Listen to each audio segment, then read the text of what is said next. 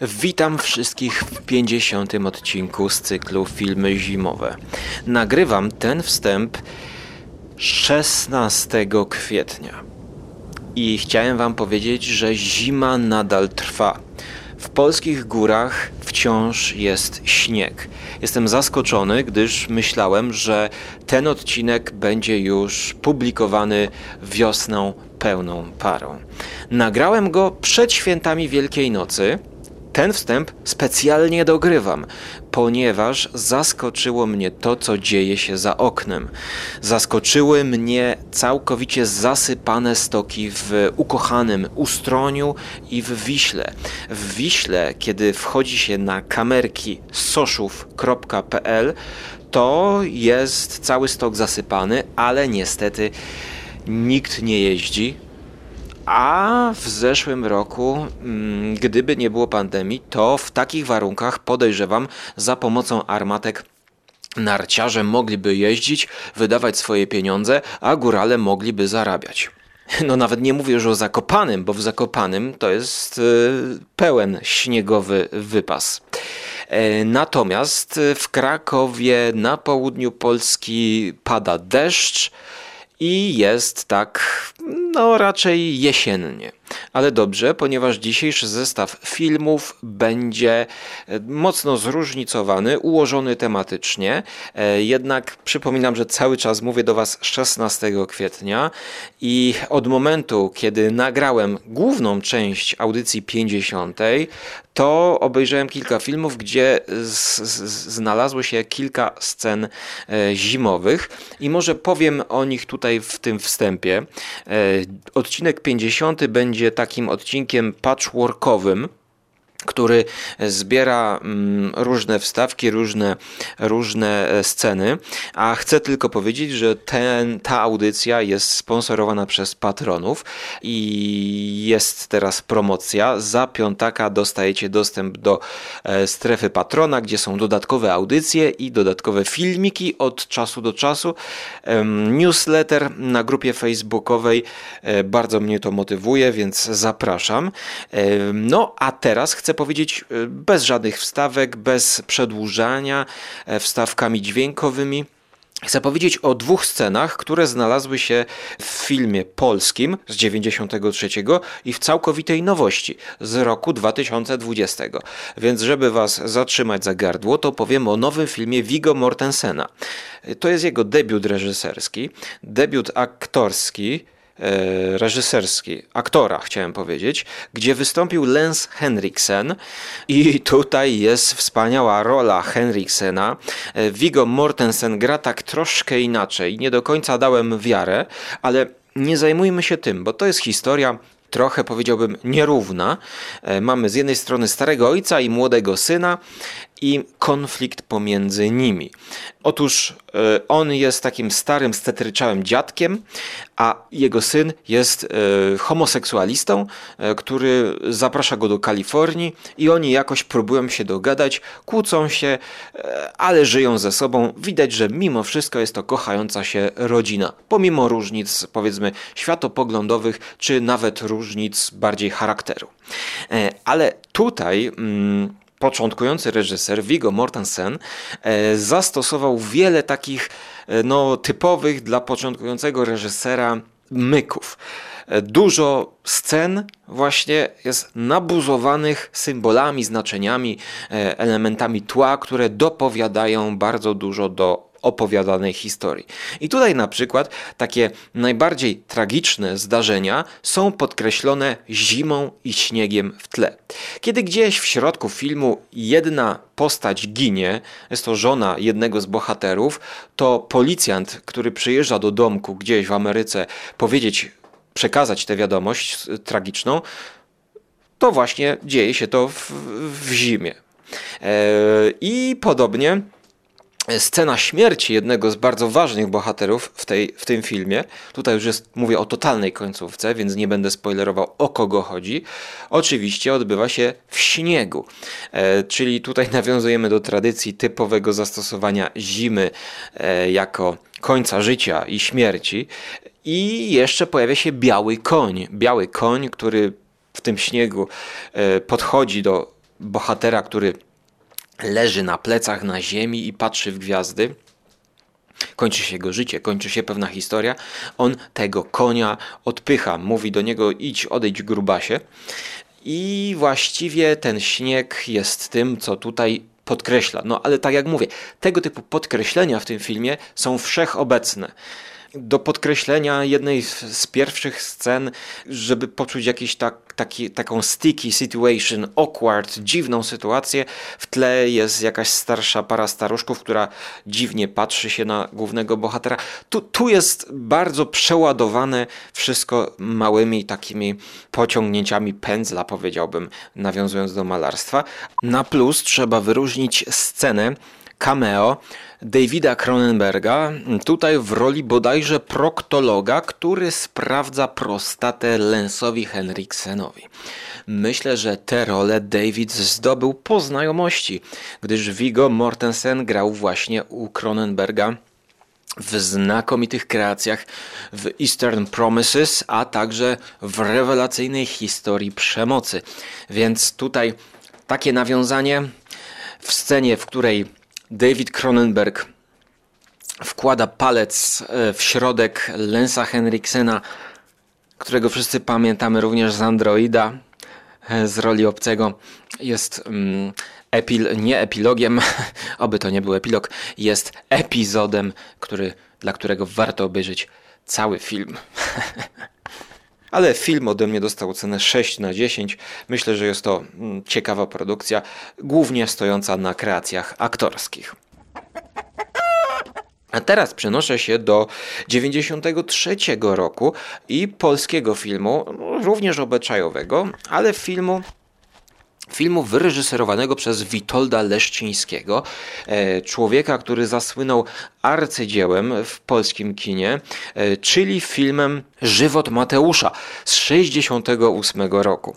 E, notabene ostatnio 68 rok kojarzy mi się ze znakomitą powieścią Agaty Christie Dom nad kanałem, którą omówiłem w Readers Initiative gościnnie, więc posłuchajcie też podcastu Readers Initiative, gdzie potem porozmawialiśmy troszkę o Stanisławie Lemie. To świetny kryminał, dom nad kanałem, troszkę łamiący pewne konwencje, ale o tym w Readers Initiative. Natomiast E, żywot Mateusza no to jest opowieść z Janem Pieczką, e, która była debiutem reżyserskim Witolda Leszczyńskiego. On już niestety nie żyje, w 2007 zmarł. E, no i jeden z jego końcowych filmów to 93 rok i Kolos. Kolos, który nakręcił w Norwegii bodajże, trochę z polskimi aktorami, trochę z zagranicznymi aktorami.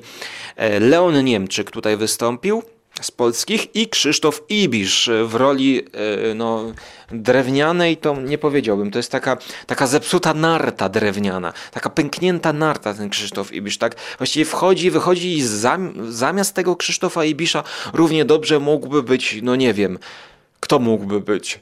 Yy, Hubert Spandowski. No. Ktokolwiek, no naprawdę. Nic nie zrobił ten człowiek w tym filmie. Ale o czym jest to film? Bo tutaj głównym bohaterem jest kto inny. W ogóle to jest e, po angielsku nagrany film w dużej mierze. E, jeśli nie po całości. Leon Niemczyk, no tutaj Leon Niemczyk zawsze wypada doskonale, uwielbiam go. E, natomiast głównym bohaterem jest grany przez mm, O. Christian Ol. To jest norweski aktor.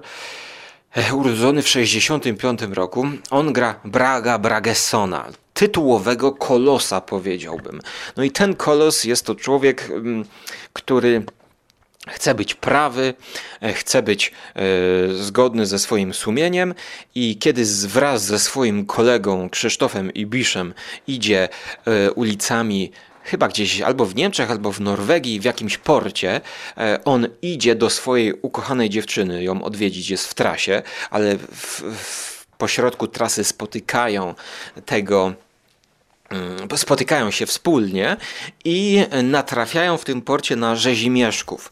Jakiś nazioli albo no coś takiego.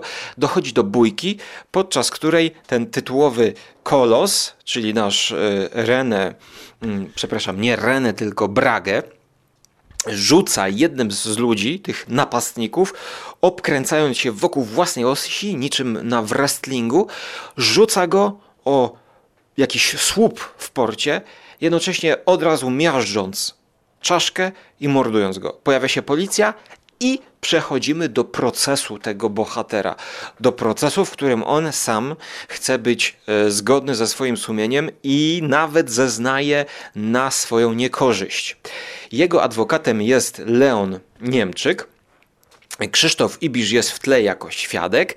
No i duża część tego filmu to jest e, proces. A trzecia część tego filmu to jest ta nas najbardziej interesująca, to ta zimowa część tego filmu. I ta zimowa część koresponduje z pierwszą częścią filmu, w której widzimy życie tego człowieka, jeszcze zanim doszło do tego wszystkiego, życie we wsi spokojna, wsi wesoła. Norwegia, chyba Spitsbergen, zielone tereny, chatka na zboczu góry i on tam wraz ze swoją piękną, młodą dziewczyną, wręcz ona no można by oskarżyć to o pedofilię, bo ona ma, nie wiem, powiedzmy 18,5 roku, powiedziałbym tak na oko, dziewczyna. Wręcz mamy scenę erotyczną, kiedy ona na tle tych gór e, na golasa leży wraz z, ze swoim partnerem, kochają się. E, chociaż nie jest to pokazane dosłownie, to, to, to są piękne zdjęcia, oczywiście.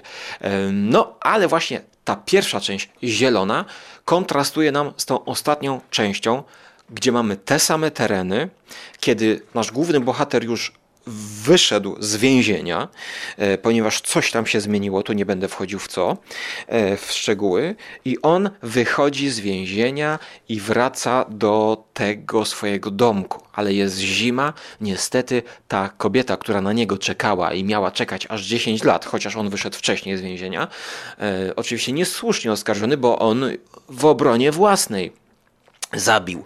E, więc e, teraz mamy sytuację, kiedy śnieg jest wszędzie, jest zima całkowita, niestety kobieta nie żyje. I on cierpi żałobę, ale przebywa tam w tych terenach, jeździ na nartach, e, chodzi w, w góry i właściwie mm, od razu przechodzimy w tej takiej krótkiej trzeciej części, e, w trzecim akcie, przechodzimy do momentu, w którym on ma możliwość odkupić swoje winy, chociaż no, nie ma też za bardzo jakich win odkupywać, e, ale on czuje, że chce coś zrobić w imię tej miłości. I on ratuje e, swojego kolegę, czyli tego Krzysztofa Ibisza, który znowu gdzieś tam wyszedł w góry, e, a czy nie znowu, no po prostu wyszedł w góry, bo też był jego kolegą i oni razem też kiedyś chodzili po górach. I Krzysztof Ibisz okazuje się, że jest chory na cukrzycę, no i nasz główny bohater Kolos musi go uratować. Jest jedynym człowiekiem, który może mu dowieść na nartach właśnie właśnie w spartańskich warunkach insulinę. No i najlepiej zna te tereny. Więc mamy scenę w tym schronisku, w tym domku, jak bierze insulinę do termosu. E, jakiś tam pomocnik mówi mu, że uważaj, ponieważ nie możesz otworzyć termosu. Bo gdy otworzysz, to insulina w minusowej temperaturze straci swoją wartość i będzie nieużyteczna. Kolos mówi, aby podał mu sok malinowy i bierze drugi termos z sokiem malinowym na tę trudną podróż. No i mamy gdzieś powiedzmy około 10 minut tego trzeciego aktu zimowego i, i, i to co najlepsze w tym filmie, który no rzeczywiście tak jak krytycy o nim piszą i, i, i fani twórczości Witolda Leszczyńskiego, że jest to film nieudany. Ja mu wystawiłem ocenę 5 na 10 ale to, co mnie, prowadzącemu żarłok TV, zapadło w pamięć, to nie dlatego, że jestem zainteresowany motywem jedzenia w sztuce, ale dlatego, że ta scena po prostu jest świetna. Otóż ten główny bohater jest taki trochę nie do końca zrównoważony. Y, I on w pewnym momencie traci wiarę podczas tej podróży, że, że chce ratować tego Ibisza wręcz oskarża y, cały świat i, i, i, tych, tych, tego kolegę nawet być może, że to przez niego ta kobieta, jego ukochana zmarła. I wyrzuca ten termos, otwiera ten termos. Kiedy śnieżyca i zamieć szaleje, on odrzuca termos. Upada na ziemię i nie wiemy, czy odpoczywa, czy umiera. Wiemy, że oddycha. I spoza kadru powolutku wchodzi, podchodzi do niego czerwona ciecz, wylewając się z tego termosu. On dostrzega, że pomylił termosy i otworzył termos z sokiem malinowym. I jest to piękna scena, w której pokazano, że kolos dostaje kolejną szansę od losu, aby oczyścić swoje sumienie, pomóc przyjacielowi i iść w dobrym kierunku. No i wstaje, podnosi się na widok soku malinowego i z tym termosem z insuliną dowozi Krzysztofowi i Biszowi insulinę, ratując mu życie. Sam traci palce, e, no ale koniec jest takim końcem otwartym. Otwarty koniec, w którym on spotyka znowu Leona Jęczmyka. Co, ja mówię? Pomyliłem e, Niemczy, Leona Niemczyka z Lechem Jęczmykiem, e, tłumaczem, eseistą, felietonistą polskim, który tłumaczył Dika. Więc e, Leon Niemczyk e, podaje mu E, taki e, amulet od tej kobiety. No a oczywiście też musi być klamra związana z jego miłością, ponieważ e, w scenach już całkowicie końcowych on chodzi po górach szukając tej swojej miłości, która najprawdopodobniej zaginęła wybierając się na wędrówkę w góry, zamarzła gdzieś. I rzeczywiście on gdzieś w lodowej skale, niczym z baśni braci, And, e, e, braci Anders, e, braci Grimm, no nie braci Grimmów, tylko Hansa Christiana Andersena, odnajduje ją w takim lodowym kufrze wręcz. Wyciąga ją wyciąga ją z lodowca i właśnie w takiej y, bryle lodu zatopionej, wciąż pięknej, na, na, na takim, nie na sankach, tylko na tym, co, co goprowcy mają, jak ratują człowieka na nartach. To ma mm, taki plecak i jak jedzie na nartach, to z tyłu ją wiezie za sobą e, w takiej pryczy, e, zapomniałem jak się to nazywa. I ona jest cała skuta w, te, w tym lodzie. W końcowych scenach on odchodzi w dal, w góry, w, w stronę niewiadomego, tak? On z jednej strony uratował tą kobietę, ale ona jest martwa, ale ona jest zatopiona w lodzie. No nie wiemy, co teraz on zrobi. Ona jest zatopiona w lodzie na wieki, czy ta miłość będzie trwała? Tak, ponieważ ostatnie zdanie, jakie wypowiada Kolos, to prośba do swojego tego adwokata, już przyjaciela po tych wszystkich zdarzeniach, Leona Niem Niemczyka, żeby udzielił im ślubu. Leon Niemczyk udziela im ślubu. I na tym się kończy film. Zrobiłbym taki podział na trzy akty, że mamy tutaj pierwszy akt, czyli geneza głównego bohatera, skąd pochodzi, jakie jest jego otoczenie, jakie jest jego przeszłość, jakie są jego e, pryncypia. E, drugi akt, e, który zaczyna się poprzez wejście na ścieżkę no, zła to za dużo powiedziane, ale poprzez ten nieszczęśliwy wypadek i napaść e, rzezimieszków. Drugi akt środkowy to e, sądowniczy akt e, rozprawy sądowej, gdzie prokuratorem jest Marek Kondrat.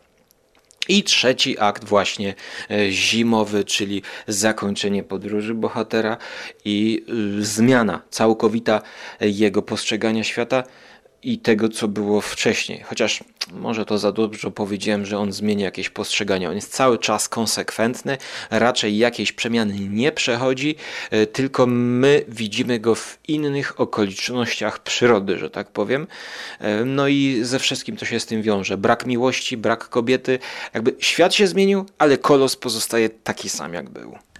E, jednak mimo całej tej opowieści, no dosyć takiej szokującej być może dla tych, którzy nie wiedzieli o istnieniu tego filmu, ja bardziej polecam czarno-biały debiut Witolda Leszczyńskiego, który jest arcydziełem polskiego kina i mam nadzieję, że kiedyś Criterion Collection to odrestauruje i wyda, ponieważ jest to film, który zasługuje, aby znał cały świat. Cały świat oczywiście miłośników kina artystycznego i autorskiego. I teraz właśnie mogę już chyba przejść do części, którą nagrałem w okresie przedświątecznym, czyli przed świętami Wielkiej Nocy 2021 roku, e, kiedy był mocny grad właściwie i też pojawi się śnieg. E, tak więc no cały czas filmy zimowe trwają. Zapraszam do Patronite. E, no i teraz rzeczywiście przypomniał mi się jeszcze trzeci film, który oglądałem pod tytułem Star Trek Mózg Spoka, czyli trzeci sezon odcinek pierwszy oryginalnego Star Treka, y, gdzie rzeczywiście, no to może jeszcze rzutem na taśmę szybko o tym powiem i przechodzimy do odcinka. Jak ostrzegałem, dzisiaj nie będę montował tego pod kątem dźwiękowym. Przepraszam, nie będzie wstawek z omawianych filmów. Epizod Mózg Spoka dostaje ode mnie ocenę 7 na 10 i teraz gdzie jest ten śnieg w Star Treku? Już był jeden odcinek Star Treka e, zimowy, e, natomiast teraz odcinek z 68, znowu 68 rok się powtarza dzisiaj, e, mamy odcinek o planecie. O planecie, na której jest mróz, zimno, lodowce. I e, na początku filmu następuje włamanie się do statku Enterprise przez jakąś dziwną postać, przez dziwną łunę moc, która materializuje się w formie pięknej kobiety, która usypia wszystkich na statku. Podchodzi ta kobieta do spoka, dotyka jego głowy i za pomocą e, efektów dźwiękowych, które słyszymy w filmie, wysysa mu mózg. Tak jakby, znaczy teleportuje ten mózg gdzieś indziej i znika. No i jak ona znika ze statku, to lekarz na Enterprise oznajmia, że Spock nie ma mózgu. I pozostało 24 godziny, aby z... znaleźć, aby odnaleźć mózg Spoka. Tak więc dr McCoy jest mm, niezwykle zakłopotany, ponieważ no, no, właśnie uwielbiam, no, muszę powiedzieć, że właśnie za takie manewry uwielbiam po prostu oryginalny Star Trek. I teraz mamy sytuację taką, że e, cała ekipa statku Enterprise jest wysłana na planetę. I na tej planecie E, no, w poszukiwaniu e, mózgu spoka. I na tej planecie, no, się, znaczy mnie się ten, ten odcinek nie jest zły, tylko historia jest tak absurdalna, że, że po prostu nie mogę powstrzymać śmiechu. Na tej planecie mamy mieszkańców planety, którzy wyglądają trochę jak z filmu Odyseja Kosmiczna Stanleya Kubricka zaraz po dokonaniu się następnego kroku ewolucji, kiedy ta podrzucona kość zostaje złapana. Mamy tam jakichś no, jaskiniowców ubranych tak właśnie z pałami chodzących.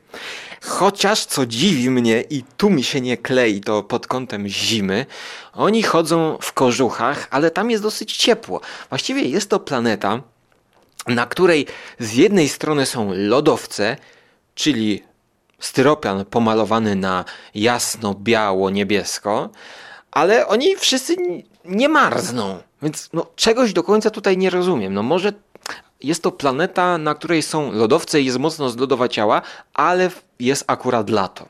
Nie wiem, nie wiem. E, no i tej zimy samej jest tutaj niewiele. Kiedy oni się przenoszą na tą planetę, no to rzeczywiście widać ją i jest ona zrobiona tak jak zawsze. O, no przepraszam, nie zawsze. E, planety w Star Treku oryginalnym robione są na dwa sposoby. Albo w prawdziwych terenach, albo w prawdziwych plenerach, albo w studio. I ta planeta zrobiona jest w studio.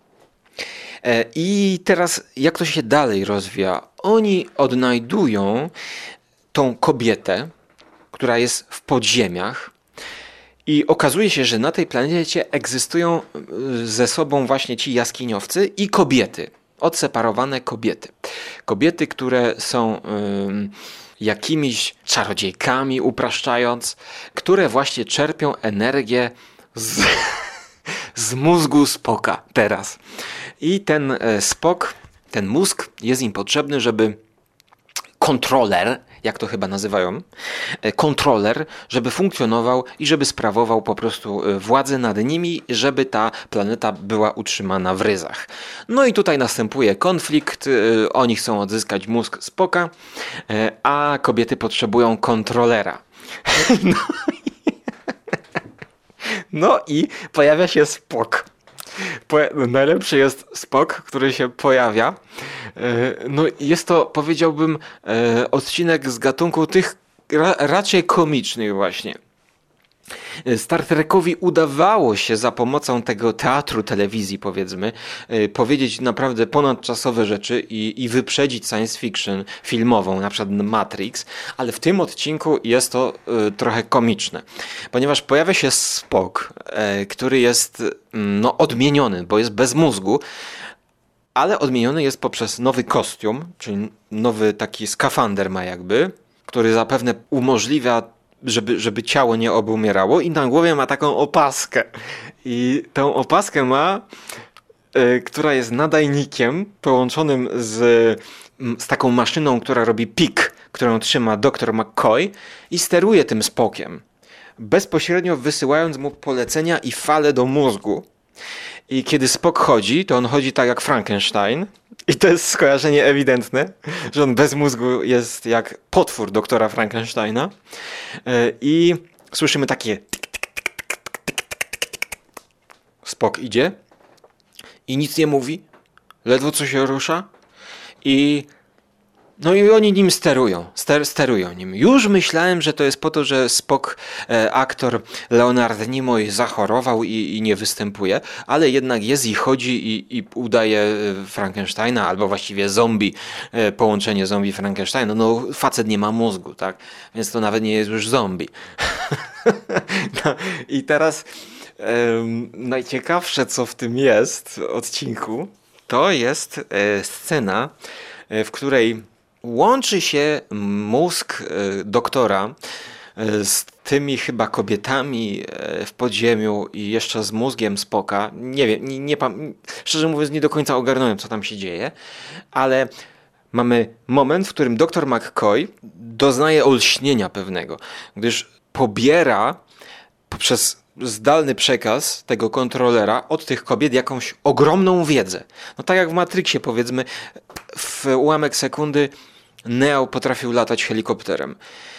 A robimy to po to, że oni tutaj już dochodzą do y, umowy, że potrzebują mózgu Spoka i teraz te kobiety nie potrafią z powrotem przeteleportować mózgu do głowy Spoka.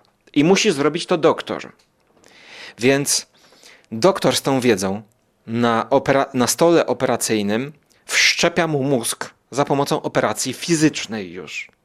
I to jest scena sztosowa, ponieważ mm, mamy tak, leżącego spoka, dykta nad głową, nie widzimy tego mózgu, za tą dyktą jest światło, które pada na doktora, Nimoy, e, doktora McCoya od dołu, oświetla całą jego twarz i coś ma na oczach zrobionego, jakby dostał olśnienia, tak? I on działa na takim autopilocie pod wpływem ogromnej wiedzy. Ogromnej wiedzy o wszystkich kablach, znaczy o wszystkich nerwach. On podczas tej operacji musi połączyć wszystkie nerwy mózgu z tym pieniem, tak, który został. I ta operacja trwa. A em, kapitan Kirk i Scotty przyglądają się i tak, ach, czy to się uda, czy się nie uda. I w pewnym momencie widzimy, że, że, że ta wiedza doktora zaczyna się wyczerpywać. On, on tak patrzy, nie, zapominam, zapominam, nie wiem, który połączyć nerw z nerwem. Nie, nie daję rady, zapominam tej całej wiedzy, nie, nie dam rady połączyć mózgu spoka w całości. No i wtedy oni postanawiają wykonać bardzo trudne decyzje podjąć, że tego spoka w połowie jakby wybudzą, żeby skorzystać z połowy tej wiedzy spoka i pokierować za pomocą spoka doktora. No i spok nagle za, zaczyna mówić I pytają go, czy, czy ręka? Tak. Podpiąłeś rękę. Dobra, no to rękę. Podpiął rękę, bo spogrusza. Nie mogę. Bo spogrusza ręką, nie? Teraz palec u, no, u nogi, no. Ruszam palcem u nogi. I tak sobie gadają, nie? A on pod, podpina te nerwy odpowiadające za poszczególne e, e, części ciała. No i oczywiście mamy happy end. Mózg spoka wr- wraca do jego głowy. Pierwsza operacja przeszczepienia mózgu była w Star Treku. E, Chociaż, nie no, nie wiem, może ktoś wcześniej próbował. 68 rok to jest na pewno e, jedna z pierwszych operacji na trans... O, trans... Nie, no, co ja mówię, co ja mówię, nie no, przecież wcześniej były w latach 50 już filmy o transplantacji mózgu Hitlera, przecież były science fiction. E, dobra, no tak więc kończymy, kończymy tę wstawkę, no wiedziałem, że jak zacznę o tym gadać, to będzie mniej zimy i rozciągnie się to na mm, cały Star Trek i science fiction.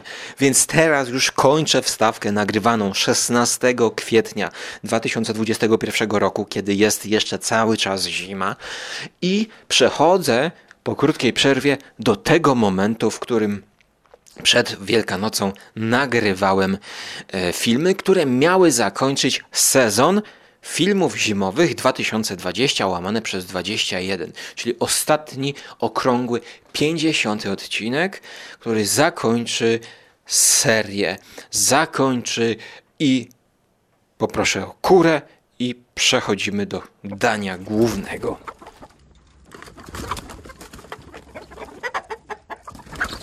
Krew jest najważniejsza, a najlepsza to jest, pan, panu powiem jeszcze jedno. A najlepsza jest krew, jak pan weźmiesz kaczkę.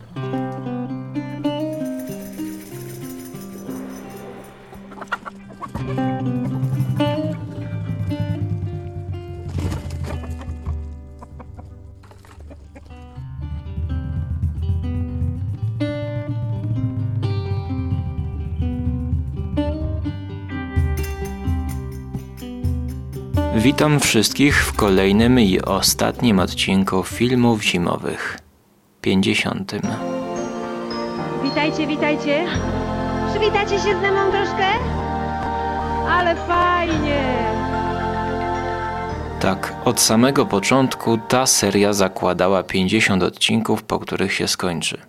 No a jako, że wpłaty od patronów idą bardzo kiepsko, no to tym bardziej musimy kończyć.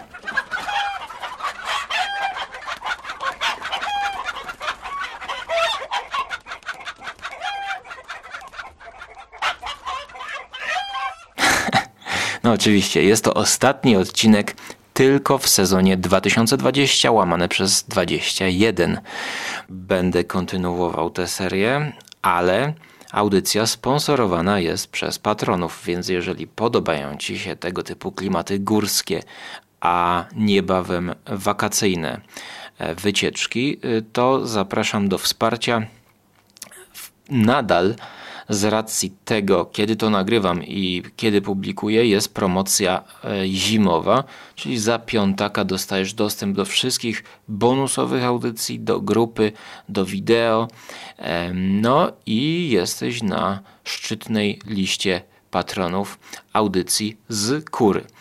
A nagrywam to w święta Wielkanocy, dokładnie 3 kwietnia kiedy za oknami jest już jakby wiosna, ale tutaj probierzem są nasze kochane Beskidy, to znaczy moje. Niestety wyciągi są zamknięte, ale śniegu jest tyle, bo teraz patrzę na podgląd z pięciu kamer w Beskidach na górze Soszów. Gdyby oficjalnie te stoki nie były zamknięte z powodu koronawirusa, to armatkami spokojnie mogliby to naśnieżyć. Jest, jest bardzo dużo śniegu. No niestety jest pusto. Wystarczyłoby się na spacer dla mnie, żeby poczuć klimat zimowy. No po prostu w tych górach jeszcze tutaj na Soszowie jest jakby była pełna zima. Dobrze. No to e, wszystkich fanów narciarstwa już e, mamy pozdrowionych tą krótką relacją. E, Będą też dzisiaj relacje z telewizji, jakby dokumentujące, jaka zima w tym sezonie była, ale najważniejsze to filmy. I dzisiaj krótko postaram się przejść po wszystkich filmach które zapomniałem, bo już nagrałem o nich audycję i e, niestety skasowałem przypadkiem, po prostu potrzebuję więcej kart SD do nagrywania. E, Ale zacznijmy od Ice Storm z 97, następnie najnowsza produkcja hiszpańska z Netflixa Biocero, Ghost Story, e, następnie The Wolf of Snow Hollow, potem Hunter Hunter i na końcu In Fear, który będzie łącznikiem z rozpoczynającą się serią filmy wakacyjne, która będzie kontynuacją tego, co w poprzednich latach robiliśmy. Zaczynamy od filmu Angali, mm, którego na pewno nagrywałem recenzję i nie mogę teraz znaleźć. A może okaże się, że znajdę ją kiedyś, to puścimy ją jeszcze raz w przyszłych audycjach. Dlatego skrótowo. The Ice Storm, i tutaj w tym odcinku nie będzie wstawek, żeby to jak najmocniej skrócić Wam. E, Ice Storm to film obyczajowy, e, pokazujący losy rodziny w latach 70. w Connecticut. E, Mamy tutaj plejadę aktorską. Sigourney Weaver, młoda Christina Ricci, Kevin Klein, Henry Czerny, Toby Maguire, Elijah Wood. No i to opowieść głównego bohatera, który jest fanem komiksów. Jesteśmy w jego takiej specyficznej reminiscencji, która tworzy klamrę dla filmu. Ale najważniejsze co dla fanów zimy to ten tytułowy Ice Storm. Ice Storm to burza lodowa. E, Właściwie już w trailerze mm, pokazują ten efekt który tutaj jest ważny dla fabuły filmu. Mianowicie oblodzone drzewo. Drzewo, które brzęczy na wietrze. Te malutkie sopelki lodu szklą się w świetle nocnej latarni i dodatkowo powodują taki dźwiękowy odgłos, który tutaj współgra jakoś z muzyką. E, Główny bohater w kluczowej scenie idzie po oblodzonej drodze, no i wpada chyba w poślizg, no i właściwie to jest tragedia, wokół której jest em, cały film osadzony. To znaczy to, że wpada, nie to, że wpada w poślizg, tylko że e, to jest e, konsekwencją tego upadku jest wypadek śmiertelny. E, Tak więc mamy do czynienia z filmem obyczajowym, który pokazuje nam e, losy rodziny, która się rozpada, i ta tragedia jest czymś, co ich będzie spajać. Oni, widząc, że stracili no, rodzice, na przykład syna, to będą mm, przemyśliwać swoje dotychczasowe uczynki, e, nie do końca e, dobre, nie do końca etyczne. Em, No i właściwie to jest y, osadzone jeszcze w takim komiksowym, lekkim akcencie. E, Film ode mnie dostał ocenę 6 na 10, wyreżyserowany przez Anga Lee. E, Ang Lee, czyli reżyser e, z Tajwanu, znany z produkcji takich jak Życie Pi, Przyczajony Tygrys, Ukryty Smok, a ostatnio kiepski Gemini Man z Willem Smithem. Mm, No i oczywiście mm, Brokeback Mountain. Przechodzimy teraz do nowości. Nowości, którą zobaczyłem na Netflixie. Kurczę blade, którą też nagrałem w żółtej piwnicy, ale no, nie, nie wiem, co się dzieje z tymi podcastami, które nagrywam. E, Jest to ciekawa rzecz, ciekawa hiszpańska produkcja. E, Chociaż no, nawet pamiętam żart, który wypowiadałem e, w tamtym podcaście, który zgubiłem. Produkcja, która mm, od samego początku pokazuje nam dwóch policjantów. Policjantów, którzy mm, mają za zadanie dokonać przewozu bardzo groźnych morderców. Od samego początku pakujemy się do mm, tego uzbrojonego auta, m, którym będą do, przewozić morderców. E, No i zaczyna się podróż. Podczas tych przygotowań taki stary wyga mówi do młodszego policjanta, że uważaj, żebyś nie odmroził sobie jaj, bo tam, gdzie jedziemy, będzie bardzo zimno. No, myślę, że jak dla Hiszpanów, to rzeczywiście tam może być zima taka, że ho, ho. a okazuje się, że tutaj tego śniegu jest niewiele. Natomiast z perspektywy hiszpańskiej e, rzeczywiście to może być zima pełną gębą. Tak więc, pomimo, że na początku jedziemy w samochodzie i że ta akcja jest e, właściwie takim filmem drogi, filmem drogi do momentu, w którym mamy dziwny wypadek i okazuje się, że ktoś chce przejąć, uratować tych, tych morderców. Mordercy uciekają i tutaj właściwie zaczyna się konflikt i, i zabawa, czyli taki pojedynek policjanta z mm, mordercą, który ucieka. No, ale to, co nas najbardziej interesuje, to ta ucieczka w stronę zimy. I tutaj warto przeczekać do drugiej połowy filmu, e, w której ten pojazd, to jest wielka ciężarówka, która mnie przypomina taki o wiele lepszy film e, policyjno-drogowy mm, Armored, Armored, e, wyreżyserowany przez takiego Węgra, który robił takie niszowe kino i, i zrobił, zrobił film właśnie typowo policyjny, typowo akcyjny, bardzo dobry Armored. Też właśnie o mm, furgonie policyjnym, który przewozi chyba pieniądze. E, No to tutaj mamy ciężarówkę w, kluczo- w, os- w jednej z ostatnich scen, która dojeżdża już mm, w tereny górskie, ośnieżone, gdzie jest zamarznięte jezioro. I wjeżdża na te jezioro i mamy piękną scenę powolnego zapadania się tej ciężarówki pod taflę jeziora, ale najpierw mamy łamanie tego zamarzniętego lodu. E, Tak więc mamy łącznik z poprzednim filmem, czyli Ice Storm, czyli lód, też był ważny.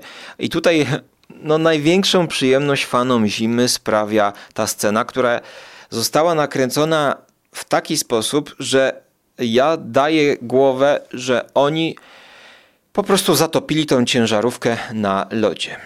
I potem ją musieli wyłowić z tego jeziora, podejrzewam. Bo, bo ta scena robi wrażenie. E, No i z tej ciężarówki uciekają co niektórzy, niektórzy tam giną. E, Nie, nie spoilerując kto, kiedy i gdzie, żebyście nie wiedzieli, która postać zniknie, to potem akcja przenosi się do pobliskiego miasteczka, jakichś ruin opuszczonych. E, I tam następuje końcowy pojedynek policjanta z mordercą. Okazują się pewne dotychczas nieznane motywacje. E, powiem wam, że ten film trzymał mnie w napięciu. e, Bardziej chyba dlatego, że chciałem zobaczyć, jak to się skończy, niż jak to jest zrobione. No, troszkę za długi, to, to dochodzi do dwóch godzin, ale ocenę 6 na 10 w kategoriach filmów zimowych jako hiszpańska ciekawostka. Mogę pogratulować Hiszpanom, że nie bali się zaryzykować odmrożenia swoich hiszpańskich nagrzanych jaj w takich warunkach, które dla Polaka są całkiem ciepłe i znośne. Jeżeli mowa o ocenie 6 na 10, która tutaj już e, zazębia się, e, i filmach zimowych, i zimie, którą Polacy w tym roku pamiętają, no to posłuchajmy trochę z telewizji, co też w tym sezonie zima nam zaserwowała, bo przechodzimy do bardzo groźnej historii. Przechodzimy do Ghost Story, czyli ekranizacji powieści Petera Strauba, wyreżyserowanej przez Johna Irwina. Takiej zimy nie było tu od lat. W wielu regionach Niemiec ostatniej doby spadło ponad 30 cm śniegu, zasypało drogi i tory kolejowe. Wiele pociągów w ogóle nie ruszyło w trasę. Samochody ugrzęzły nawet na autostradach. Zacząłem dyżur o czwartej rano i końca nie widać. Dopóki pada, nasza praca niewiele daje. I tak jest niemal w całej Europie. To już Holandia po pierwszej od 2010 roku burzy śnieżnej. Lotnisko w Amsterdamie musiało odwołać część lotów. Wydaje mi się, że najgorsze już za nami. Powoli odzyskujemy kontrolę nad sytuacją. Szok na Wyspach Brytyjskich, bo śnieżyce dotarły nawet tam. To ten sam orkan Darcy.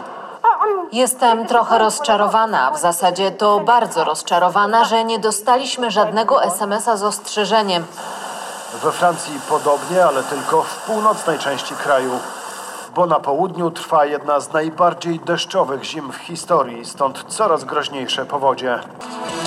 To są fakty w poniedziałek. E, Tak było w Polsce i na świecie, mm, to wiadomości telewizyjne, a w 1981 roku e, to pierwsza ekranizacja Ghost Story. Mm, 6 na 10. Oczywiście książka jest chyba arcydziełem horroru, a Ghost Story, które tutaj omawiam dla Was, właściwie nie ma co omawiać, bo mm, no, to jest jedyna ekranizacja. Dobrze, że taka jest, jaka jest.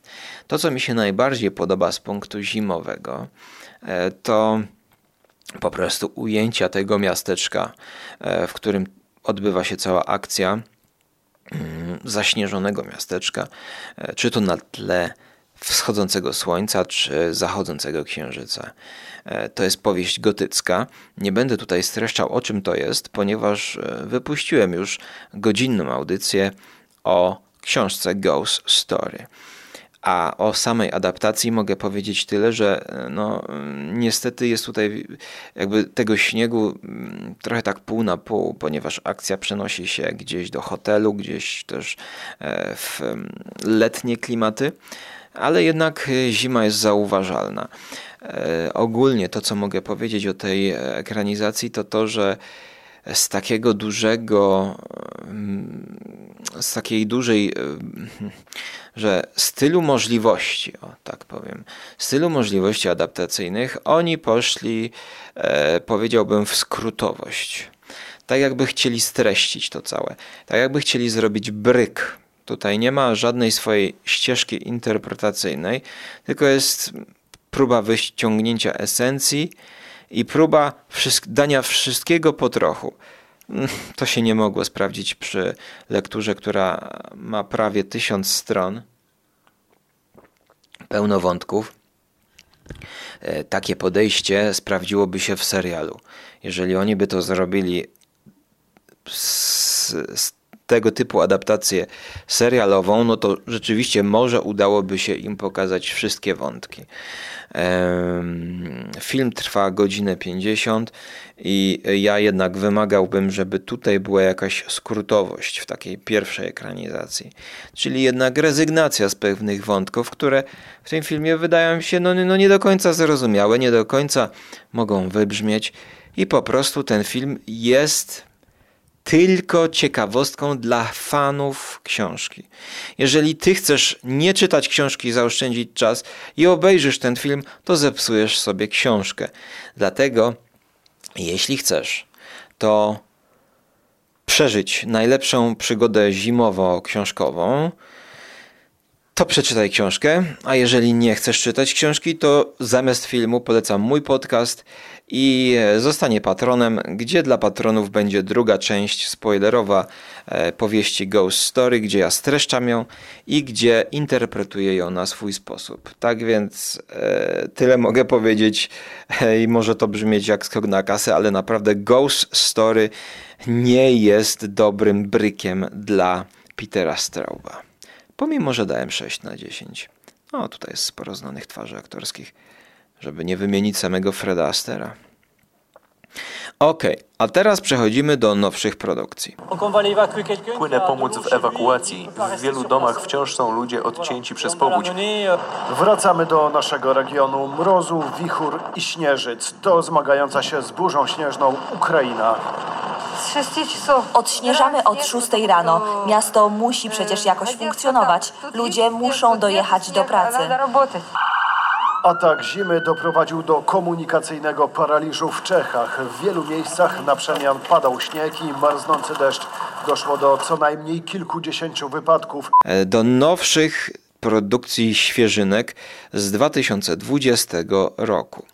I teraz e, właściwie chyba najciekawsza pozycja e, z tego zestawu dzisiejszego okrągłego spotkania, które no nie jest nagrane i nie jest zmontowane i zrobione z taką werwą, jak na okrągłą pięćdziesiątkę powinno być. Ja, e, ja jestem trochę tak e, padnięty, ale ale mam dla Was dobry, ciekawy film i to jest coś również dla fanów horroru. Mianowicie The Wolf of Snow Hollow. Też ode mnie dostał 6 na 10, ale jest to dosyć taka nowoczesna produkcja, wyreżyserowana przez Jima, Jima Cummingsa, który wcześniej e, był aktorem. E, Wyreżyserował również swój film, taki policyjno-komediowy pod tytułem Thunder Road. E, Był aktorem, który zagrał w Kapitanie Ameryce. I właściwie ten film Wolf of Snow Hollow jest taką próbą jego całkowicie autorskiego podejścia do tematu wilkołaka, horroru e, i komedii. Em, On, reżyser Jim Cummings, gra też główną rolę. Gra e, główną rolę policjanta, który jest synem szeryfa w małym miasteczku gdzieś na Alasce. I tutaj śnieg jest pełną gębą. Jeżeli mówimy o natężeniu śniegu, to jest 10 na 10 e, śniegowych klimatów. Natomiast główny bohater jest synem odchodzącego na emeryturę mm, Roberta Forstera, e, czyli aktora, który zwykle gra szeryfów. I, I właśnie w miasteczku Twin Peaks też grał chyba szeryfa, jeśli dobrze pamiętam. E, No i schedę będzie przejmował Jim Cummings. E, Młody szeryf, który będzie walczył z wilkołakiem grasującym w tym mieście. Ten film mm, z jednej strony jest bardzo fajny, a z drugiej strony no ja mam wiele mm, e, do tej koncepcji, która tutaj jest, bo z jednej strony to będzie się wszystkim bardzo podobać, wszystkim, którzy jakby no e, nie widzieli e, tego typu gry z konwencją, bo jest to o tyle świeże, że od samego początku nie wiemy, czy ten, kto to zabił, to to jest wilkołak, czy to jest jakiś szalony morderca. A ju, już właściwie nie pamiętam, no bo to znowu nagrywam z poślizgiem po raz drugi, ponieważ zgubiłem te pliki. Nie wiem, co się ze mną dzieje. Łukasz, może powinieneś więcej jeść. Ale to na Żarłok TV zapraszam. Ponieważ em, grasuje morderca wilkołak. Aczkolwiek z jednej strony ten wilkołak rzeczywiście jest pokazywany i widzimy wilkołaka z krwi i kości, chciałoby się powiedzieć, ale z drugiej strony dostajemy jakieś takie dziwne właśnie wtręty obyczajowo-komediowe, które no chcą, chcą być śmieszne. No mnie to akurat nie śmieszyło, aczkolwiek ten komizm widzę, że jest próba e, pójścia w taki horror komediowy. E, Zresztą jest to chyba zgodne z tradycją tego wilkołaka amerykańskiego w Londynie. E, Jest to ciekawa, ambitna próba, na pewno. Pod względem technicznym nakręcona z werwą, aczkolwiek no, według mnie to jest właśnie cały czas na poziomie takiego dobrze zrobionego filmu, który jednak dla mnie w wyjadacza filmów o wilkołakach i, i, i takiego połączenia horroru z komedią jest po prostu dobrym daniem obiadowym. I podejrzewam, że ten film miałby dobre recenzje w nawiedzonym podcaście, e, w radiu Stephen King e, i, i tak dalej. I, i, I ja bym się nawet z nimi zgodził, ale to nie jest zachwyt, pomimo że trailer, plakat to był potencjał na ósemkę. Dla mnie jest to bardzo dobre kino, ale no niestety to nie jest nic więcej, co poleciłbym każdemu, kto jest poza e, fanem horrorów. Ale z dzisiejszego zestawu ten film polecam najmocniej, jeśli chodzi o zimowe, bo teraz schodzimy już w dół, a właściwie mm, do góry, a może do przodu, bo idziemy w stronę lata. I teraz powoli będziemy przechodzić e, do filmów, które mają mniej zimy i właściwie dzieją się na tym poziomie e, roztopów. W momencie, kiedy e, zima się kończy, ale są jeszcze jej resztki. Autostradę z Pragi do Brna trzeba było w kilku miejscach zamknąć. Najgorsze, że pod warstwą śniegu jest lód. Musiałem hamować, bo z naprzeciwka też jechała ciężarówka, no i skończyłem w rowie. Pod ciężarem śniegu i lodu łamały się gałęzie, zrywały linie energetyczne. Wiele domów jest bez prądu. Na Litwie takie same utrudnienia. Niestety, sytuacja się pogarsza z każdą godziną, a usuwanie awarii trochę potrwa. Wszystko wskazuje na to, że zima zostanie w naszej części Europy co najmniej do końca lutego. Cezary Grochot, fakty. I czymś takim jest film pod tytułem Hunter x Hunter. Jest to horror thriller, również o wilkołaku, e, a może wilku? Na początku może to być wilkołak, a to jest jednak taki film bardziej o wilku chyba, który, który grasuje w okolicy. I to jest też trochę pod slasher może zrobiony. Moja ocena końcowa to 5 na 10. Hunter Hunter, mm, trailer, który zachęci właśnie wielu miłośników slashera. Hunter Hunter to film, który też w jakiś sposób wpasował mi się przez to, kiedy to wyszło, w taki film The Hunt, który był slasherem, który był e, czymś e, grającym z konwencją e, filmu mm, o polowaniu na ludzi. Czyli tutaj odwołujemy się troszkę do tradycji e, tego, e, te, tego opowiadania The Most Dangerous Game. I tutaj jest troszkę taka gra pomiędzy człowiekiem a wilkiem, a może wilkołakiem. No i tutaj powiem wam szczerze, że pamiętam e, jeszcze mniej z tego filmu. Z tego powodu, że bar, no mniej to jeszcze mi się podobało, ale tutaj już są takie bardziej Twin Peaksowe klimaty. Tutaj już właśnie jest więcej lasów, więcej em, takiego szeryfa, który już e, jest jak w Twin Peaks. E, lasy iglaste, jazda hammerem po tych lasach, zbieranie em, na przykład renifera chyba, który został potrącony czy pogryziony. Nie wiemy, czy on został potrącony, czy może właśnie pogryziony przez wilka. No a Hunter Hunter to jest e, taki e, hunter, który tam e, mieszka i poluje. E, znaczy Hunter, właśnie, kto to jest ten Hunter? Mm, Obserwujemy od początku rodzinę. E, Trochę tak jak u Shyamalana w osadzie, oderwaną od rzeczywistości. My na początku nie widzimy, czy oni żyją gdzieś e, w, nie wiem, w XIX wieku, e, czy, czy, przepraszam, w XX wieku, czy oni żyją gdzieś mm, totalnie oderwani od świata, czy, czy gdzie, gdzie, gdzieś przy miasteczku. To są jacyś trochę prepersi może.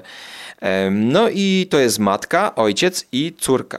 Widać, że przygotowują tę córkę w taki sposób, żeby mogła sobie poradzić z jakąś e, apokalipsą wręcz. E, Widać, że coś tam nie do końca mają piątą klepkę, powiedzmy, odpowiednio przybitą. E, Tak to jest pokazane. Mm, tutaj jakby no nie, nie, nie oceniam propersów, tak? Ale mm, w pewnym momencie ten ojciec wyrusza na polowanie właśnie. No i mamy taki przełom w filmie, gdzie ta rodzina się rozstępuje. No i idzie ten film teraz dwutorowo. Z jednej strony mamy e, polowanie pomiędzy właśnie wilkiem, albo może wilkołakiem tego ojca, a z drugiej strony próbę przeżycia tej, tej kobiety z córką, no i utrzymanie e, właściwie życia, rodziny, tego domu, a jest to jeszcze skonfrontowane właśnie z tym e, szeryfem i z tym, że oni jakoś tam nie do końca są w tym miasteczku postrzegani jako normalni. I teraz ten film mi się przede wszystkim nie podobał przez końcówkę, która kończy się tak w urwany sposób i jakby chciała nawiązywać do najstraszniejszych slasherów, kiedy w ostatniej scenie widzimy jakąś zakrwawioną postać i czyny, jakich dokonała i to jest urwane. I właściwie zostajemy w takim kinie eksploatacji. E, tak więc Pierwsza połowa oglądała się, oglądała się świetnie z nadzieją na jakieś mądrzejsze kino, a to się dla mnie okazało takim e, raczej wyjściem e, do kina z kolegami z, z, z piwem schowanym za pazuchą.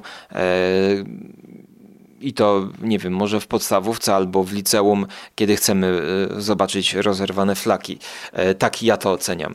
Ale teraz właśnie e, coś lepszego, coś lepszego zaproponuję Wam w tych klimatach, które teraz jakby om- omówiłem. Bo jest tutaj trochę filmu drogi, a raczej podróży. No, to, ta rodzina trochę podróżuje przez las, właściwie to, to jest film w 100% leśny, ten Hunter Hunter. Ale teraz mm, śniegu już będzie w ogóle zero, zero. E, Będzie taka jesień albo wiosna, taka jeszcze kiedy jest mokro, ale już śnieg cały się roztopił, ale jeszcze nie zakwitło to, co zakwitło. Jeżeli oglądaliście uważnie miasteczko Twin Peaks, to zobaczycie, że e, ta atmosfera, która jest e, w miasteczku Twin Peaks, to jest dlatego zrobiona, że akcja dzieje się tam chyba w lutym albo w marcu, tak? E, ta, ta sławna scena, kiedy agent Cooper przyjeżdża. 28 luty bodajże. Więc mm, to jest okres, kiedy są roztopy. Ja dobrze znam ten klimat miasteczka Twin Peaks, ponieważ w Beskidach to właśnie wygląda to identycznie. E, Spójrzcie na pobocze w czołówce miasteczka Twin Peaks. Spójrzcie, że tam jeszcze nic nie zakwitło. Spójrzcie e, na ten brązowy kolor, który wychodzi ze ściółki. Ściółka, która gnije e, po zimie. I zanim się odrodzi e, na, na dobre w okresie wiosny, to mamy ten okres poroztopowy, czyli właściwie gnicia, tak? No i też wydaje mi się, że to też jest dla Lyncha znaczące, e, który e, często opowiada historię, jak w latach 70. e, natrafił na gnijącego kota na ulicy. E, I, I zaczął robić mu zdjęcia i zachwycać się tym rozkładem mm, flaków i wnętrzności, ponieważ to gnicie było już tak daleko posunięte, że mm, właściwie spojrzał na ten proces jako na abstrakcję. E, I, i, i, ten motyw również się pojawia w Blue Velvet na początku, kiedy pokazuje nam zderzenie się dwóch światów: świata mm, wymuskanego i świata pod ziemią, gnijącego. No a teraz widzicie, ja to nagrywam e, 3 kwietnia i za oknem pada deszcz. Pada. A myślałem, że już pada śnieg albo przynajmniej grad. Ale nie, to ty, to może być jakiś taki deszcz ze śniegiem? Tak. No więc e, cieszę się bardzo, cieszę się bardzo. Chociaż wątpię, żebym nagrał jeszcze jakikolwiek odcinek teraz. Po prostu oglądanie. Te, przepraszam bardzo, że przerywam e, tę audycję, ale po, muszę podnieść żaluzję i powiem wam, że no naprawdę to jest deszcz ze śniegiem. Tak więc. No te, prze, szanowni Państwo, to jest grat. No otworzę i posłuchajcie. Tak. No i dlaczego pani pode mną zawsze. Nie, to te zapachy, jakie dochodzą z, z mieszkania pode mną, to naprawdę e, ja już mam dosyć. No i już przestał właściwie ten grad padać, ale nie. Ale dziwne zjawisko. U mnie już przestał, a na końcu ulicy jeszcze pada. Hm. E, dobra, ale to ja będę sobie tutaj obserwował zjawisko atmosferyczne, piękne. Ale powiem wam o filmie z 2013 roku, filmie produkcji brytyjskiej znowu, e, bo tamte dwa poprzednie to były amerykańskie rzeczy. A brytyjski film to jest In Fear. I teraz to jest drugi film z dzisiejszego zestawu, który poleciłbym e, najbardziej, jeśli chodzi teraz o łącznik z filmami wakacyjnymi i, i z filmami na ten okres, kiedy ja to publikuję. Czyli taka wiosna, nie wiosna. Wiosna łamane przez jesień, czasami wiosna przypomina właśnie taką jesień, no jak teraz przed chwilą właśnie relacjonowałem wam. E, To jest film brytyjski, który jest mało znany, ale dostał ode mnie ocenę 7 na 10. Jest to film drogi, film zagadkowy, właśnie może troszeczkę nawet linczowski w pewnych momentach. Film wyreżyserowany przez Jeremy'ego Loveringa. E, To jest e, dwójka mm, mało znanych aktorów tutaj występuje. E, Właściwie trójka, e, a może też się pojawia więcej twarzy. E, Nie chcemy spoilerować. To jest reżyser, który uczestniczył w zrobieniu Hot Fuzz. No, teraz patrzę. w seriale Dr. Forster. Ja nie znam go i, i to jest dla mnie, jak sprawdziłem tego reżysera, jedno strzałowy film, jaki zrobił, który, który warto obejrzeć. I teraz przeczytam wam opis na IMDb, który już wam uporządkuje tę produkcję. Driving to a music festival in Ireland, a new couple became lost and are then set upon by a tormentor with the unknown motive. Czyli mamy parę, mm, chłopak z dziewczyną, która jedzie gdzieś do, do Irlandii, właśnie przez jakieś tereny walijsko, brytyjsko, szkockie, nie wiem, ale to są takie, wiecie, łąki, owieczki się pasą, coś takiego jak e, w serialu na Domo Plus pod tytułem Ucieczka na wieś. Mowa tutaj właśnie o, o terenach brytyjskiej, brytyjskiej wsi, która, która odróżnia się od tej polskiej wsi. E, No i y, nadchodzi zmrok. Nie psuje im się auto. Oni cały czas jeżdżą. I oni wpadają w taki dziwny loop, że oni jeżdżą, jeżdżą, jeżdżą i nie mogą się uwolnić, nie mogą ani dotrzeć do hotelu, żeby się przespać, nie mogą dotrzeć ani na festiwal i dodatkowo pojawia się jakiś morderca, właściwie nawet nie wiadomo, czy to jest morderca, czy to jest zamaskowany morderca. Mm, Jest to tak pokazywane, że e, nie wiemy, czy to jest duch, czy co to jest, czy to jest w ich głowie. No i tutaj jak najmniej też będę e, spoilerował, bo to jest też bardzo prosty film, e, rozrywkowy. Ale zaskakująco dobrze zrobiony w, tym, e, w tej konwencji.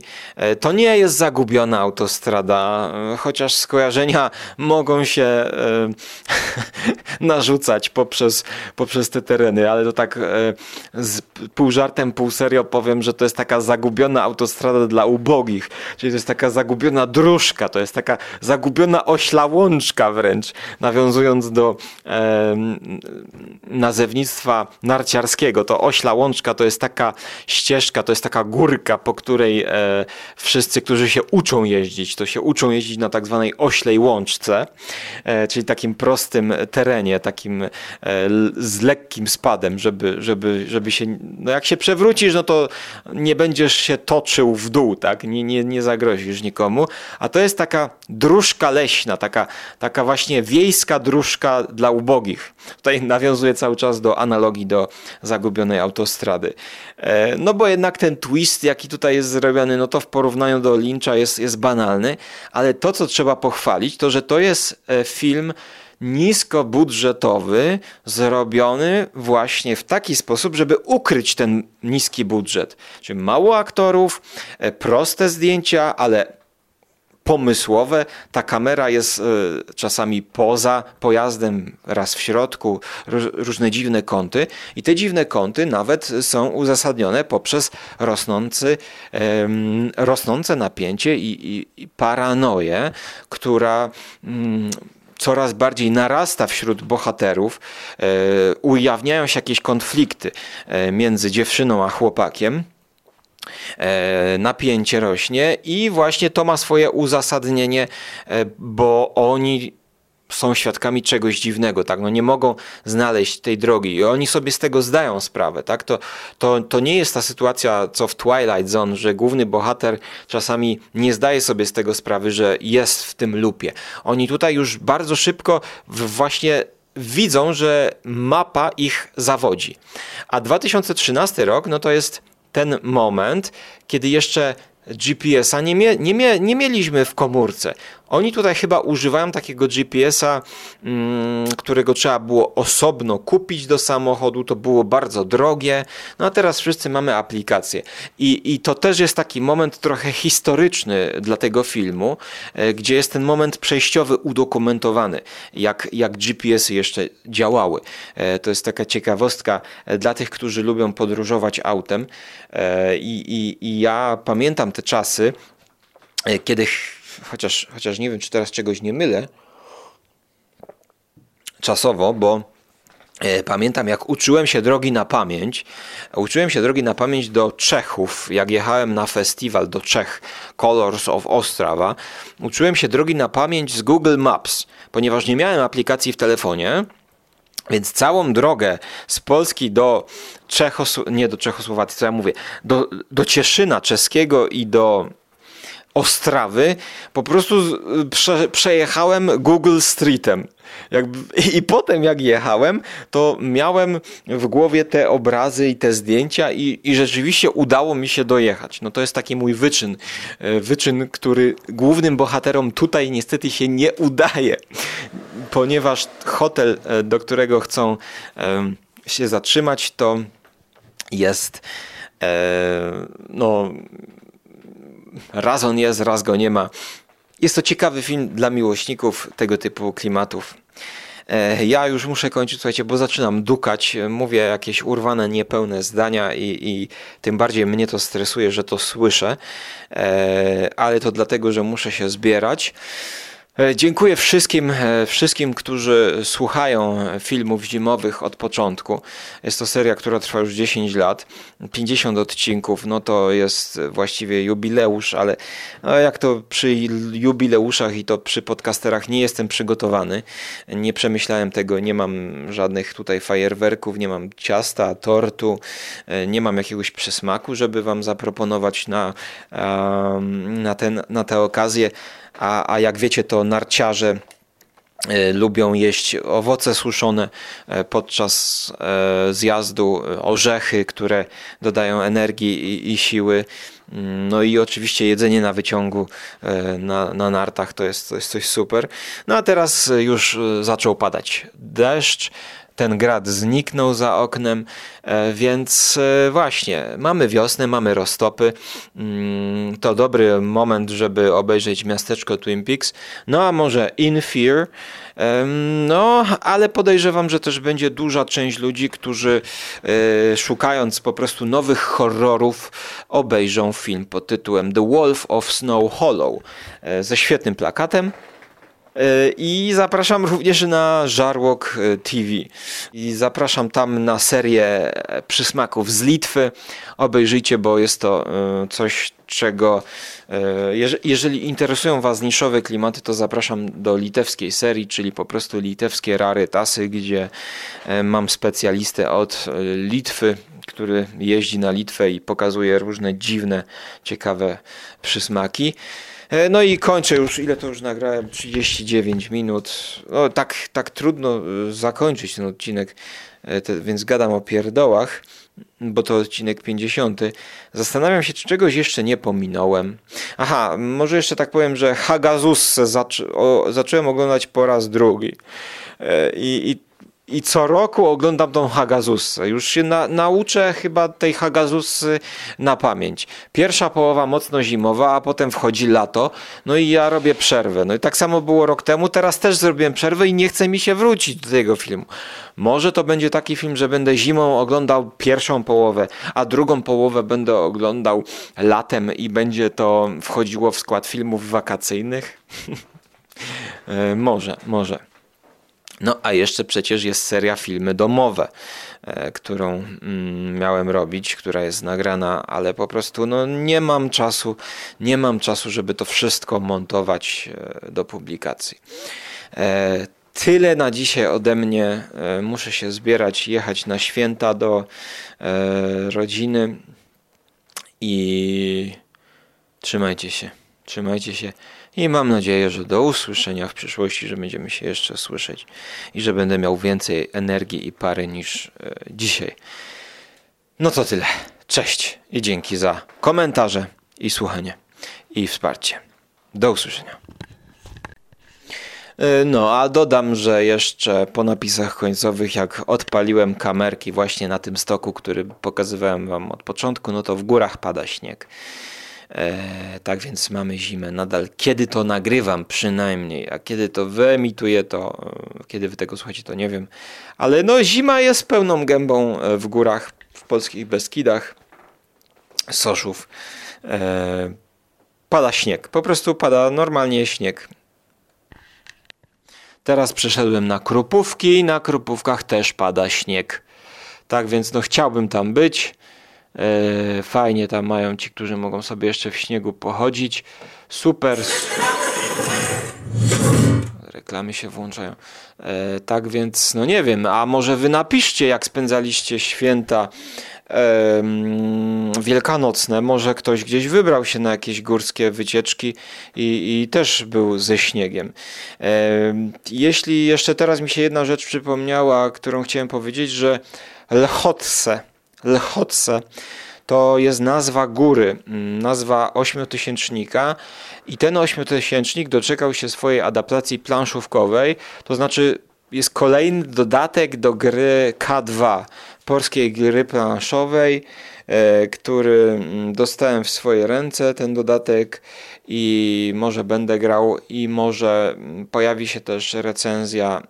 Ale to myślę, że jest dopiero zapowiedź kolejnych filmów zimowych e, serii e, 2021 łamane przez sezon 2022 Lhotse. E, To już jest e, druga, trzecia góra po Broad Peaku i po K2, na którą możemy się wspinać e, zimą e, w klimatach gry planszowej. Tak więc o tym już było w poprzednich odcinkach. Jeżeli Was interesują planszówki, to zapraszam. E, No i także zapraszam. Dobra, nie, nie będę zapraszał. No to koniec. Papa. Zaspy zaspały śnieg we śnie Szybują szyby białe kwiatki Pan lud dziś las pada śnieg To mroźne kwiatki gubią płatki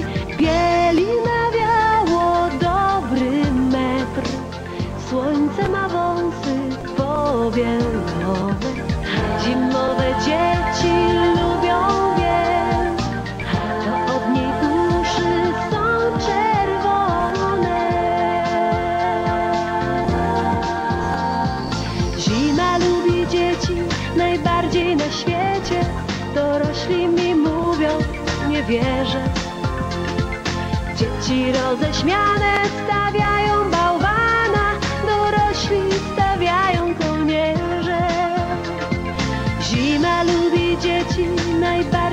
świecie Dorośli mi mówią, nie wierzę.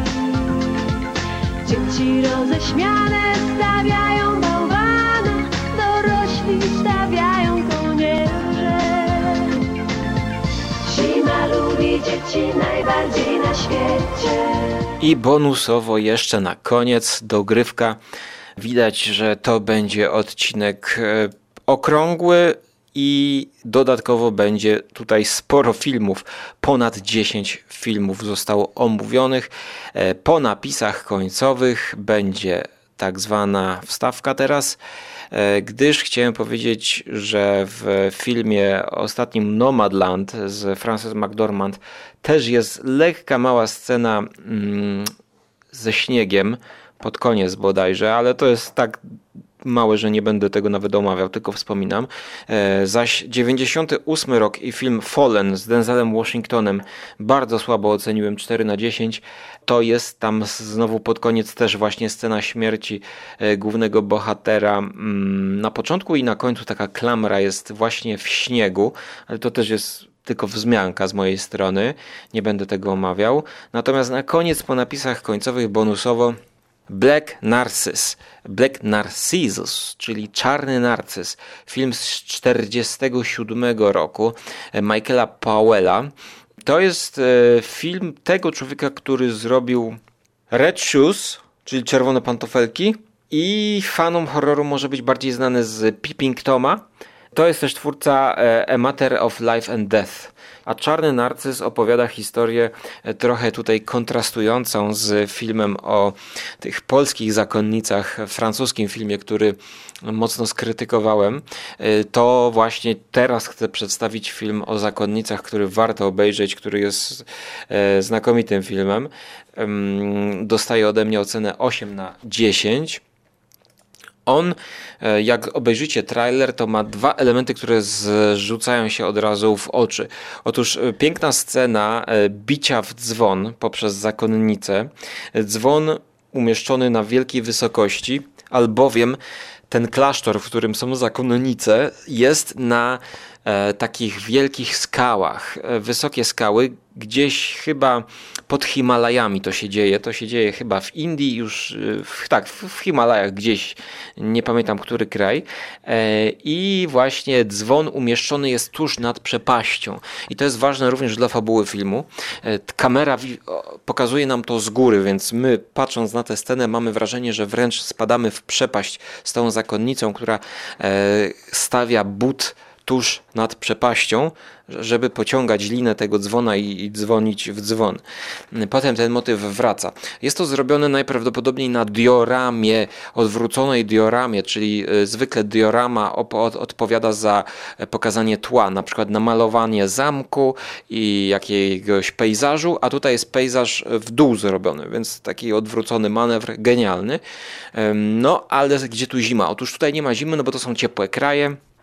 Jedynie przez cały film widzimy cały czas e, zasypane śniegiem e, szczyty Himalajów, co oczywiście jest właśnie zrobione za pomocą dior dioramy, bo film był nakręcony w studiu w e, Wielkiej Brytanii. Ale gdzie ten śnieg?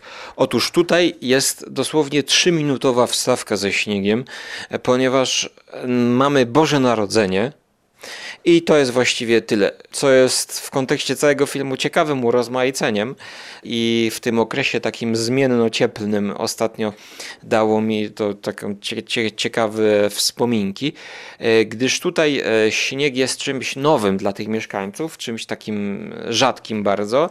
E, No i w trakcie tego śniegu też mm, dzieje się coś ważnego dla fabuły. Nie chcę zdradzać, nie dlatego, że nie chcę zdradzać, ale dlatego, że nie pamiętam. Jakaś tam bardzo ważna wiadomość e, zła e, zostaje przyniesiona. Tak samo właśnie jak w filmie, od którego zaczęliśmy dzisiaj swoje spotkanie, czyli w filmie Viggo Mortensena. E, Czarny Narcyz jest to film, który wymagałby osobnego podcastu, dlatego zakończymy takim akcentem pozytywnym. Jeżeli ktoś chce obejrzeć świetne kino kolorowe z, z takim retro klimatem, e, to polecam Czarnego Narcyza, który wygrał dwa Oscary. E, Jest to e, film niezapomniany, to jest najlepsze zdjęcia Oscar i najlepsze Best Art Direction, Set Decoration i Color. I właśnie cały ten świat Himalajów, to wszystko jak zostało to pokazane, chyba ta scena z dzwonem zrobiła robotę największą. Jest czymś, co zapadnie wam w pamięć i koniecznie musicie zobaczyć przynajmniej trailer, od razu będziecie wiedzieć o co chodzi. Tak więc kończę już takim malutkim bonusikiem, bo nie będę do tego wracał w następnych latach. I oczywiście, jeżeli wam się to spodoba, to koniecznie polecam Red Shoes, film e, kultowy w pewnych kręgach. Ja kończę, bo e, czas, jaki poświęciłem na zmontowanie tego podcastu, całe szczęście, że zadecydowałem, że nie będzie tutaj wstawek z filmów ponieważ zajęłoby to już no, chyba z 12 godzin. Kończę, pozdrawiam, trzymajcie się, do usłyszenia w przyszłości. Cześć.